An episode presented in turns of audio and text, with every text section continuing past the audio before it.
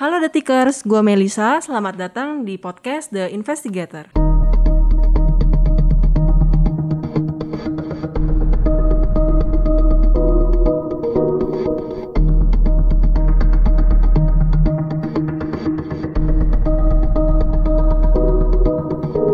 Ini episode kelima dari podcast The Investigator. Jadi kalau minggu lalu gue ditemenin sama Fajar, terus ada Mei juga. Tapi kali ini gue bakal ngobrol bareng nih sama uh, bisa dibilang wartawan senior di Detik X kali ya. Nggak cuma nggak cuma di Detik X doang, tapi juga di Detikcom nih. Ya nggak Mas Rizal?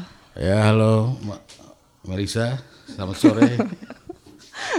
Gimana nih Mas kabarnya? Udah lama nggak nggak ketemu? Ini kita baru ketemu di podcast sekarang nih. iya kita udah lima seri ya podcast ya. Iya, udah nggak kerasa ya, udah lima minggu ternyata.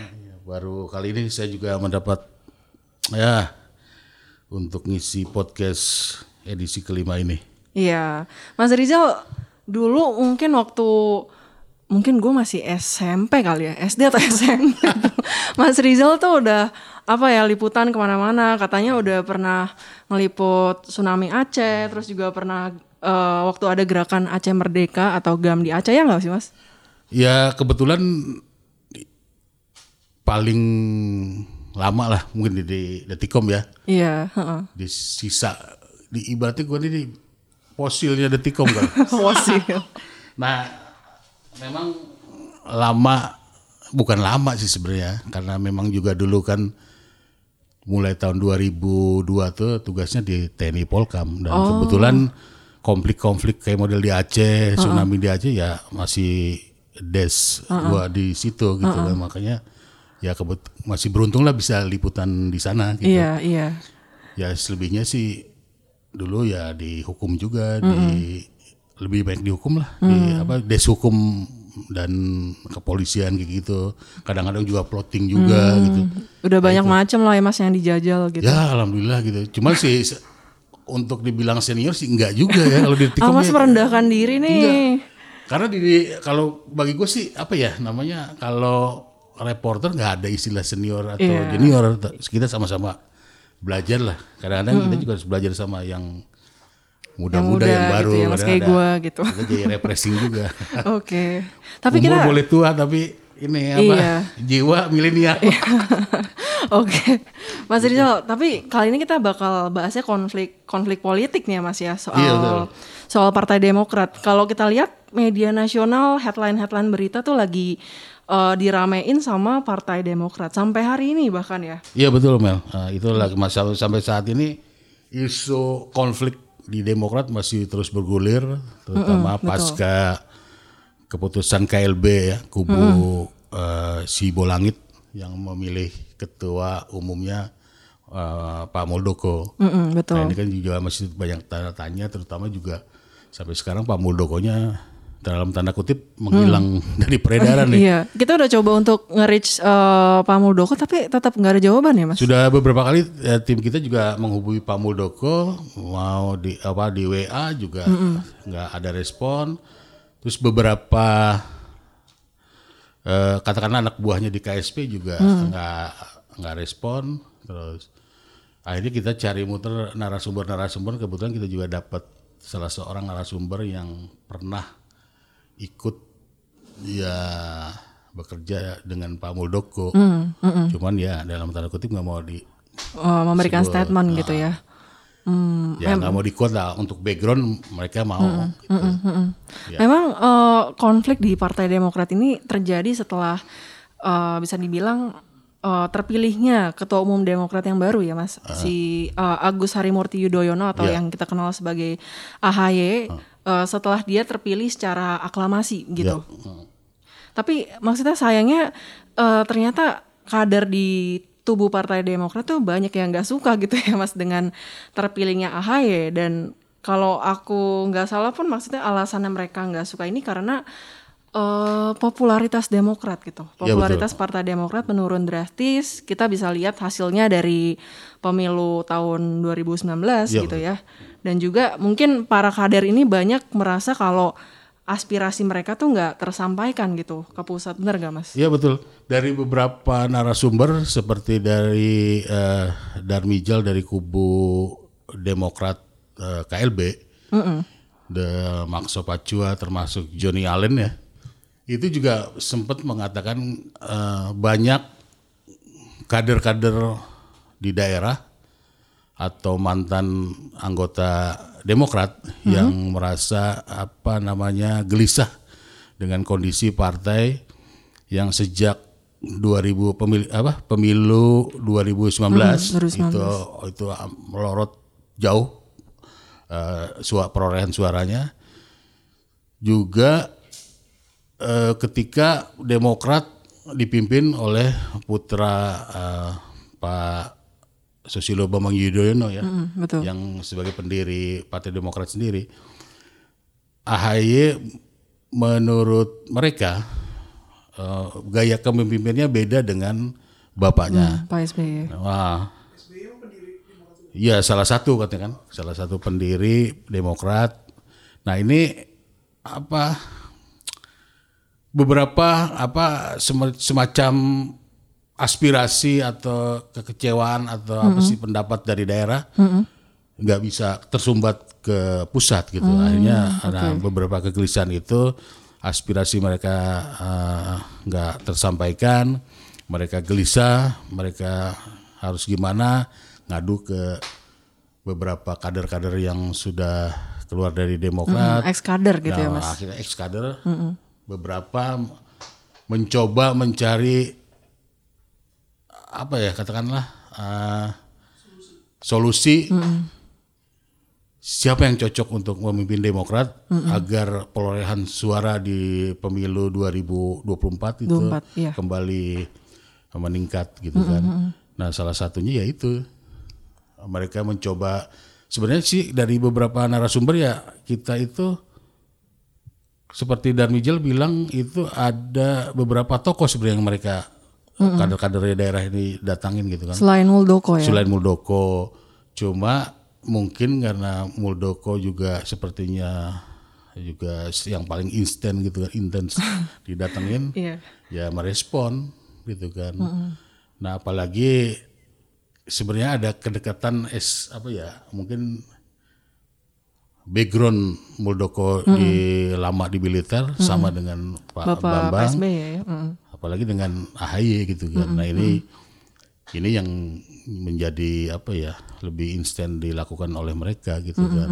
Nah mungkin di belakang juga ada manuver-manuver dari Muldoko ini yang sampai sekarang kan juga kita masih tanda tanya mm -hmm, gitu kan. Betul betul. Sebenarnya nggak mungkin juga Muldoko bisa bergerak sendiri kalau tanpa yeah. ada dukungan dari mm -hmm. para senior. Biasanya kan kalau gitu kan mm -hmm. kalau pensiunan di TNI kekerabatannya iya, setelah keluar dari SBY militer, 2004 uh. juga begitu dia hmm. mendatangi senior seniornya gue nih mau hmm. jadi apa capres bisa iya. nggak gitu kan untuk mengumpulkan nah, dukungan uh, gitu ya mas kayak gitu Mel hmm oke okay, oke okay. tapi ini gue salvok dikit nih mas sama AHY gitu sekarang mulai dari akhir tahun lalu sampai sekarang penampilannya berubah jauh ya mas. Iya. sekarang sekarang berewokan jenggotan gitu. Tadinya gue pikir itu strategi dia buat apa ya menimbulkan image baru karena kan mau nggak mau dia sekarang terpilih sebagai uh, ketua partai gitu iya, jadi yeah. untuk menciptakan image yang lebih tegas dan berwibawa gitu mas nah itu dia itu itu memang mungkin gaya apa yang dilihat oleh kader-kader di bawah Demokrat ini yang hmm. kadang-kadang penampilan tidak membawa apa ya tidak terkesan dengan terkesan penampilan dengan baru gitu, kan. gitu. Nah, ya mungkin juga ada hal-hal yang nggak nggak nggak apa ya dengan gaya kepemimpinan kan beda gitu kan. Mm -mm, betul. Apalagi katakanlah ah, seorang AHY yang harusnya dulu mungkin berkarir di militer lebih cemerlang kan tiba-tiba mm. mundur gitu kan. Mm. Kita nggak tahu siapa yeah. dia bisa mundur gitu kan apa keinginan orang tua atau gimana kan. Mm -mm. Tiba-tiba langsung terjun memimpin parpol kan itu juga belum belum katakanlah teruji mm, di mm, dunia politik. Rekam jejaknya gitu ya. Tapi kalau Muldoko sendiri uh, backgroundnya dia kan lebih banyak berkecimpung sebenarnya di militer ya yeah. dari sejak dia uh, masuk ke dunia militer sampai akhirnya menduduki puncak tertinggi gitu di TNI seperti itu. Dan kalau yang Mas Ri, uh, Mas Rizal lihat nih, kira-kira sejak kapan ya maksudnya si uh, Muldoko ini mulai ada ketertarikan dan akhirnya nyemplung gitu di dunia politik. Ini memang menarik nih Mel kalau kalau Muldoko ya. Kalau selama gua liputan di TNI Polkam, mm -mm. nama Muldoko mungkin belum muncul ke publik ya. Itu oke lah sampai 2000 2005 itu 2006 tuh belum muncul mm. nama Muldoko. Nah, memang Muldoko ini kan sebenarnya uh, di militer itu hampir sudah 30 tahun lebih ya. Oh, lama banget ya, Dia iya sebagai are kelahiran Kediri uh, kalau nggak salah 57 ya. Mm-hmm. Itu kelahirannya. Nah, dia itu masuk Akademi Angkatan Bersenjata Republik Indonesia sebelum Akmil sekarang ya. Itu di dinilai eh, lulusan terbaik di angkatan dia tahun hmm. 1981 itu. Hmm Nah, dengan gelar apa sih anugerah Adi Makayasa. Nah, bagi taruna itu penghargaan paling tertinggi karena itu nilai paling apa ya, paling pintar, punya jiwa kepemimpinan yang paling bagus, strateginya bagus.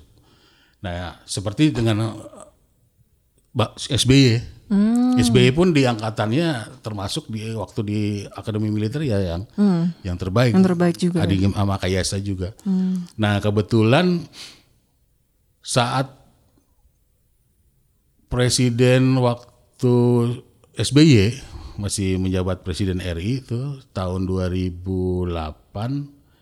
Nah, nah si apa Muldoko ini kalau tidak salah menurut beberapa narasumber ke gue mm -hmm. itu ya istilahnya tuh SBY nemuin lagi nih yang apa sih taruna yang apa mm -hmm. uh, litingan yang bagus gitu kan. Mm -hmm. Dia waktu itu masih kalau nggak salah di uh, Kodiklat Angkatan Darat. Mm -hmm. Nah saat itu SBY mengangkat uh, eh sorry dari Kodiklat lalu ke Kasdam mm -hmm. Jaya di Jakarta. Mm -hmm. Nah itu SBY Presiden RI yang periode kedua. 2008. Nah, saat itu dari situlah karir Muldoko seperti menanjak melejit lah kalau hmm. istilah orang bilang tuh kan. Dari mulai itu kalau nggak salah itu satu tahun itu Muldoko di era SBY ya, yeah. itu lonjakan naik naik pangkat dan jabatan itu bisa dua tiga kali hmm. dalam satu tahun misalnya di era kepemimpinan Pak SBY ya waktu itu. Itu tahun 2010 misalkan itu dia tiga kali pindah posisi dari Panglima Divisi Infanteri satu Kostrat terus lalu Panglima hmm. Kodam tiga Siliwangi dan Wakil Gubernur uh, Lemhanas. Hmm. Nah itu terus diangkat lagi jadi uh, Wakil Kepala Staf Angkatan Darat di 2013. Hmm. Tahun itu di, juga di tahun langsung diangkat jadi Kepala Staf Angkatan Darat lebih tinggi lagi. Nah baru uh, di SBY mengangkat beli apa Muldoko menjadi panglima TNI di du, antara 2013 itu. Hmm. Jadi tiga Masih sampai sama ya juga. itu sangat sangat apa ya bagi kalangan TNI itu sangat super cepat. Signifikan banget signifikan banget itu. Nah saat itulah Muldoko tahun 2004 itu kan masih sebenarnya panglimanya panglima TNI masa transisi. -hmm. Jadi di akhir pemerintahan Susilo Bambang Yudhoyono dan masuk ke pemerintahan Joko Widodo. Jokowi. Nah itu panglinya masih Muldoko ya? masih ya? Muldoko hmm. dan di, kabarnya Muldoko pula yang menginisiasi atau mengusulkan penggantinya beliau. Dia langsung nunjuk Gatot Numar, Numar, hmm. apa Nurmantio itu hmm, hmm. untuk menjadi itu uh, peristiwanya di 2014. Hmm. Nah apa sejak uh, Muldoko ini kalau tidak salah itu pensiun di 2014. Jadi di masa Jokowi itu Transisi setahun lah ya. akhirnya pensiun nah, gitu ya. Pas pensiun dia sempat namanya juga sempat menghilang, tenggelam lah gitu. Iya. Gak kedengeran lagi di publik, tiba-tiba dia masuk ke Partai Hanura masih apa ya uh, masih bantu Wiranto lah. Itu mulai peralihan tuh ya Mas ya? Ya masuk peralihan masuk dia, ke politik. Dia masuk mulai ke dunia politik itu pun nggak nggak terlalu terbaca ya waktu itu sebenarnya nggak terlalu ini juga. Nah terus tiba-tiba eh, namanya itu muncul lagi ketika masih di apa era masih dia di Hanura itu sempet ada pergantian ya dari apa ke eh, Osman Sabta Odang.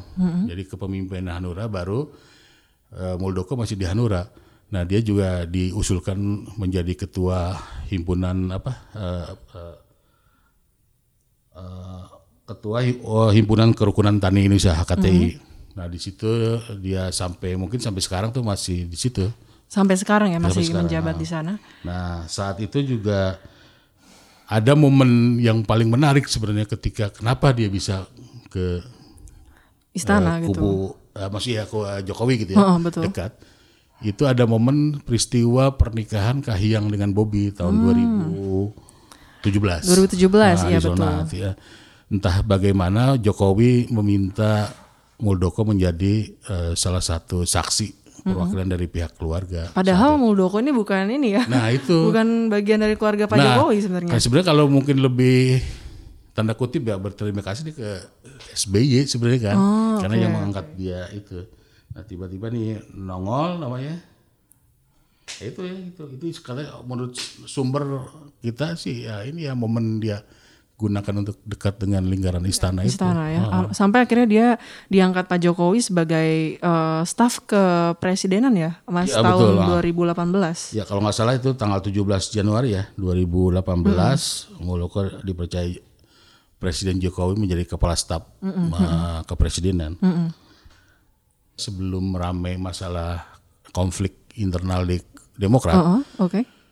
ketika memasuki pemilihan presiden 2019, nah kan eh, Jokowi kan eh, masuk eh, mencalonkan diri sebagai presiden di eh, periode kedua. Nah, ada eh Muldoko sudah di KSP, tapi be- narasumber yang eh, bilang ke kita bahwa ada seperti gerakan, eh, sepertinya ambisinya Muldoko untuk menjadi orang nomor satu sama orang nomor dua lah di Indonesia. Itu eh, muncul gitu kan. Nah dia membuat sebuah tim mungkin tim katakanlah tim-tim siluman gitu kan agar namanya moncer atau naik di popularitas di apa sih eh, eh, Capres pencapresan capres, apa cawapres gitu ya. pencawapresan. Nah, dia sebenarnya pengen jadi pasangannya Pasangannya Jokowi Pak di Jokowi. 2019. Oh, oke. Bahkan ada banyak beberapa LSM yang tiba-tiba mengusung nama Muldoko. Misalkan Jokowi, Jokowi, Muldoko oh. gitu kan jodoh atau Jokowi Muldoko hebat apa gitu. Nah itu di di apa pesta demokrasi dua tahun lalu tuh nama sempat muncul lah ya, heeh. Cuma memang dari hasil survei, walaupun nama dia Hmm. nongol jauh, Jauh. tidak ngangkat dan ada pertimbangan-pertimbangan juga mungkin dari Jokowi untuk memilih pasangan yang lain. Oh, akhirnya kan Maruf Amin ya memilih- yang terpilih ya. Iya, Maruf Amin yang memiliki mungkin masa apalagi di kalangan Nahdien yang ratusan juta itu, Jokowi milih, milih itu kan ketimbang Iya. Muldoko. Nah, cuman ya gitu ambisi. Ya itu yang dilihat teman-teman bahwa ini ya itu ambisinya Pak Muldoko. Hmm, manuvernya di politik nih cukup eh, langkahnya cukup besar juga ya. Ya Pak Mas Rizal. Kalau bisa dibikitan gitu. Ma- apa kalau gerakan eh, senyap gitu kalau kata Senyap orang. ya. Sampai akhirnya sekarang bisa rame-rame lagi ternyata eh, di Partai Demokrat gitu Iya. dan akhirnya terpilih gitu jadi ketua umum Partai Demokrat tapi versi KLB gitu ya. Nah sebelumnya juga dia eh, apa se- apa mencoba masuk sebelum ke Demokrat dia sempat mencoba masuk ke Partai Golkar. nah itu kalau tidak salah seperti keterangannya mantan eh, Menteri Hukum dan Ham Hamid Awaludin dalam tulisan di media besar di kita ya itu disebutkan kalau Muldoko sempat menemui Yusuf Kala. Nah, cuma kita nggak tahu itu peristiwanya tahun kapan. Yang jelas ini momen dia mengambil momen itu saat eh, suksesi kepemimpinan di Partai Golkar. Eh, dan kebetulan si Muldoko ini masih di Hanura sebenarnya sebelum keluar lah. Jadi gue lupa ngasih tahu saat itu eh, Muldoko meminta untuk ikut bursa ketua umum di Partai Golkar, tapi ditolak Yusuf Kala karena lu masih di Partai Hanura, Hanura. kenapa lu nggak milih di situ aja? Iya. kenapa harus masuk ke partai orang lain gitu kan. Dan lagian di anggaran dasar anggaran rumah tangga Partai Golkar itu kan ketat gitu kan. Harus ya kalau orang mau ber ber, ber beraktif di partai ya, ya atau Apalagi sebagai pengurus gitu calon kan, ketua ya harus gitu jadi ya. anggota dulu lima tahun gitu kan. Nah ini kan enggak langsung dari luar nyalonin. Nanti akan jadi konflik tuh di Nah sana itu, ya mas. nah mungkin Yusuf Kala tahu itu. Nah tiba-tiba ya itulah dengan ambisinya itu dia membuat sebuah tim itu. Nah sebelum, nah inilah katanya tim inilah yang mendorong eh, Muldoko di tahun 2009 itu mundur dulu dari Hanura, lu boleh nyapres. Nah malu nongol. Nah itu yang akhirnya gagal juga sih di 2019 gitu. iya iya. Sekarang eh, nyemplungnya ke Partai Demokrat, tapi kita juga masih belum tahu ya nah, mas. ini nggak tahu juga. Nah, gitu kan awalnya kan Muldoko juga sempat ngebantah kan kalau dia mau Iya. ikut kudeta Pas seperti sempat udah ada apa ya isu-isu kudeta, Ah, ah, seperti Ahe nuduh dia mau kudeta partainya mengambil alih atau kalau Andi Marang nyebutnya begal, begal. Kalau SB nyebut ugly apalah gitu. Nah, kalau tapi sempat dibantah. Awalnya sempat tidak diakuin lah sama Muldoko. Tapi kenyataannya kan sebulan kemudian dia menerima Akhirnya itu. kejadian juga Nah, gitu itu yang membuktikan bahwa ya itulah ambisinya dia. Beberapa sejumlah pengamat juga narasumber ke kita ya itulah wajar ambisinya dia itu gitu. kan. Iya. Kalau Andi Malarangeng sebutnya ketua umum Partai Demokrat versi KLB abal-abal Mas Rizal. Nah itu yang mungkin kekecewaan seorang Andi Malarangi yang juga sempat menjadi apa sih jubir kepresidenan Betul, di betul. zaman SBY. Betul. Nah dengan melihat eh, mungkin eh, sikap Pak Muldoko seorang tokoh jenderal bintang 4 tapi masih bisa di ya katakanlah dikelabuin sama kelompok-kelompok orang yang sudah keluar sebenarnya bukan orang Hmm, bukan Demokrat Partai gitu Demokrat, walaupun itu tokoh bekas pengurus. Nah, ini yang dibilang ya menyayangkan sikap itu. Ya, Andi Malarangin sendiri sempat bilang ya menyayangkan lah kenapa seorang purnawirawan jenderal bintang 4 bisa mau menjadi ketua umum ketua umum abal-abal Iya. dari sebuah kelompok KLB abal-abal. Nah ini kan ngerusak citranya Muldoko ke depan sebenarnya kan blunder politik tersendiri. Menurut eh, An Pak Andi gitu ya. Iya. Nah itu yang dia sayangkan dan Andi juga eh, mengatakan bahwa Demokrat kubu AHY akan siap eh, apa sih ber- bertempur di ranah hukum eh, dengan Demokrat versi KLB ini. Betul. Nah kalau dari kubu KLB sendiri saya sampai sekarang ini yang kita pertanyakan kan lebih banyak suara-suara dari orang-orang yang kayak model Johnny Allen, Max kader-kadernya Sopacua, yang gitu ya. kader-kader sudah di luar sebenarnya. Dari Muldoko sendiri sampai udah sepekan sampai satu minggu lebih ini nggak ada muncul. Masih bermanuver dalam senyap mungkin mas. Bisa jadi. Karena memang kita lihat backgroundnya eh, Pak Muldoko seperti itu ya. ya kayak modelnya kayak mungkin jiwa itunya masih ada. Apa sih namanya? Menyiapkan strategi dalam Strategi diam gitu. dalam diamnya itu. Oke. Tapi yang jadi pertanyaan publik eh, seperti yang tadi Mas Rizal bilang gitu, Muldoko ini kan bukan bagian dari internal Partai Demokrat gitu. Apalagi sekarang masih menjabat sebagai staf kepresidenan gitu. Bisa dibilang kan dia itu jadinya eh, bawahannya langsung Pak Jokowi gitu kan. Iya betul. Oh, jadi kita se- eh, sebagai publik itu jadi menduga-duga apakah dengan adanya KLB ini adakah keterlibatan dari pihak luar gitu yang menginginkan tergesernya posisi AHY dari pucuk kepemimpinan Partai Demokrat gitu. Nah ini yang menarik juga nih sebenarnya kan dari awal konflik di internal Demokrat sampai ada isu Pak Muldoko me- mau mengambil alih kepemimpinan Demokrat tidak pernah mendengar sikap tegas dari pemerintahan Jokowi ya termasuk Jokowi sendiri ya soal apa uh, apa mengambil sikap atas posisi anak buahnya yang menjadi Iya. Kepala staf kepresidenan ini harusnya kan ya menurut beberapa narasumber ini kan tidak etis gitu kan ketika eh, orang masih dalam pemerintahan tiba-tiba eh, mencampuri urusan politik eh, apa internal polit partai, Partai politik gitu orang lain gitu kan. Nah sampai sekarang juga Pak Jokowi bahkan Muldoko sendiri tidak belum mengungkapkan apa sih sebenarnya yang terjadi gitu ya kan? Kenapa lu mau gitu kan? Uh, gua mau ngambil ini gitu. Kan alasan-alasan selama ini kan uh, Muldoko sendiri kan karena ah karena di di apa diminta sama kader-kader yang Demokrat yang kecewa-kecewa ini kan. Nah al- kan selama ini ha- cuman itu aja sering ditemuin sering silaturahmi sering ngopi. Kan kalau beberapa narasumber kenapa harus iya juga gitu kan harus diambil juga itu.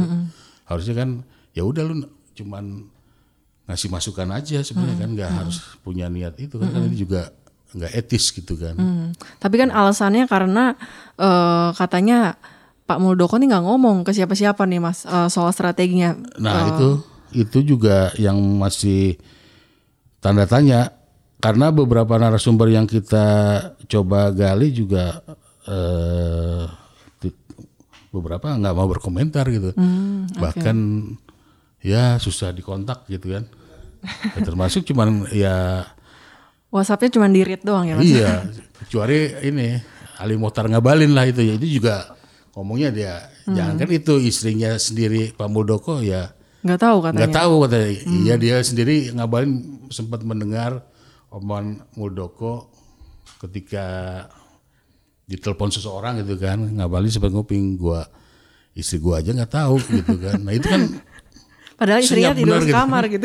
iya nih Muldoko makanya sampai sekarang juga beberapa temen masih mencoba eh, mencari tahu apa sih sebenarnya dari motif Pak Muldoko mengambil mau gitu mau menerima. mengambil alih gitu. Karena kan secara secara kalau Andi Malarangeng sendiri kan sempat bilang kalau yang ikut KLB ini kan tidak semua di- didukung dengan pengurus-pengurus cabang di 34 provinsi di Indonesia. Itu yang ini kan hanya beberapa itu kan. Nah itu kenapa Pak Muldoko tidak melihat itu gitu kan. Makanya ya dia bilang KLB abal-abal itu jadi ketua umum abal-abal gitu Oke, tapi sambil menunggu Pak Muldoko memberikan statement gitu, eh, kalau Mas Rizal lihat sebenarnya sikap pemerintah khususnya memang yang ini kan dialamatkan juga kepada Presiden Jokowi gitu, eh, gimana gitu harusnya bersikap dalam konflik Partai Demokrat ini? Kalau apa ya, kalau dari beberapa narasumber termasuk eh, beberapa pengamat eh, politik itu seperti dari ini nih dari Direktur Eksekutif Foxpol Center Research and Consulting Fangil Syarwi ya, Syaniago eh, dia bilang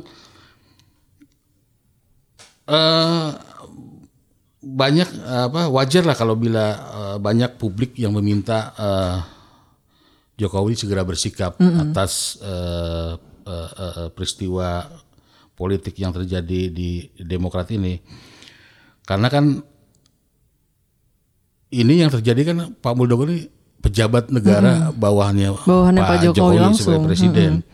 Itu kan tidak etis lah eh, ketika ada orang dalam istana mengambil eh, urusan politik di di luar konflik internal partai suatu partai politik.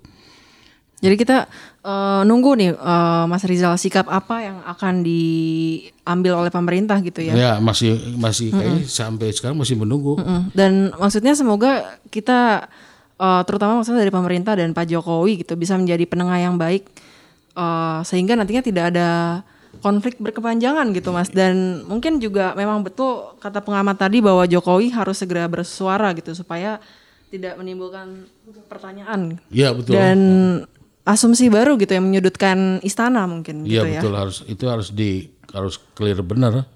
Kalau tidak ya panjang. Oke, kalau gitu. Kalau kata orang panjang urusan. Emang kalau ngomongin Partai Demokrat gak akan ada habisnya nih, Iya, karena memang karena- masih berjalan eh, konfliknya begitu kita belum tahu ujungnya akan seperti Ah, apa. Karena juga Demokrat juga banyak sejarahnya sih sebenarnya juga dulu mungkin ada sebagian orang bilang ya SBY juga begitu dulu kan iya. mengambil partai membentuk partai dari par- sebuah partai yang sudah ada sebenarnya kan. Nah ini ya itulah. Oke, kalau gitu. eh Detikers, eh, pembahasan kita soal Partai Demokrat ini, eh, kalau misalkan Detikers mau tahu lebih jelas, lebih lanjut soal apa yang terjadi di Partai Demokrat, eh, kalian bisa baca di Detik X. Caranya gampang banget, kalian tinggal kalau belum punya aplikasi Detikcom, kalian tinggal download dan buka aplikasinya, lalu eh, klik kategori dan di sana akan ada opsi Detik X gitu. Tapi kalau kalian mau buka di browser juga tinggal ketik x.detik.com. Eh, nanti di sana akan ada banyak artikel menarik, gak cuma soal Partai Demokrat doang ya, Mas Rizal. Kita Iya, ah. setiap pekan bakal bikin eh, tema-tema, isu-isu yang baru dan dibahas secara mendalam Iya betul. eh, sesuai dengan karakteristik atau eh, spesialisnya Detik X gitu lah. Iya, betul. Tulisan-tulisan in-depth gitu ya. Ya Detik X kan ada ada investigasi Ada intermezzo juga. intermezzo ya itu kasusnya Melisa kan. Iya, betul, betul. Dan uh, crime story sebenarnya itu. Nah, iya, dan crime story juga gitu ya. Investigasi juga. Iya, dan kalau misalkan detikers eh, malas baca atau nggak punya waktu untuk baca, bisa juga dengerin eh, stay tune terus di podcast The Investigator yang juga bakal terbit eh, sekali dalam sepekan gitu. Oke, sampai di sini dulu diskusi kita. Kita, gue dan Mas Rizal izin pamit dulu. Sampai jumpa di episode podcast The Investigator minggu depan.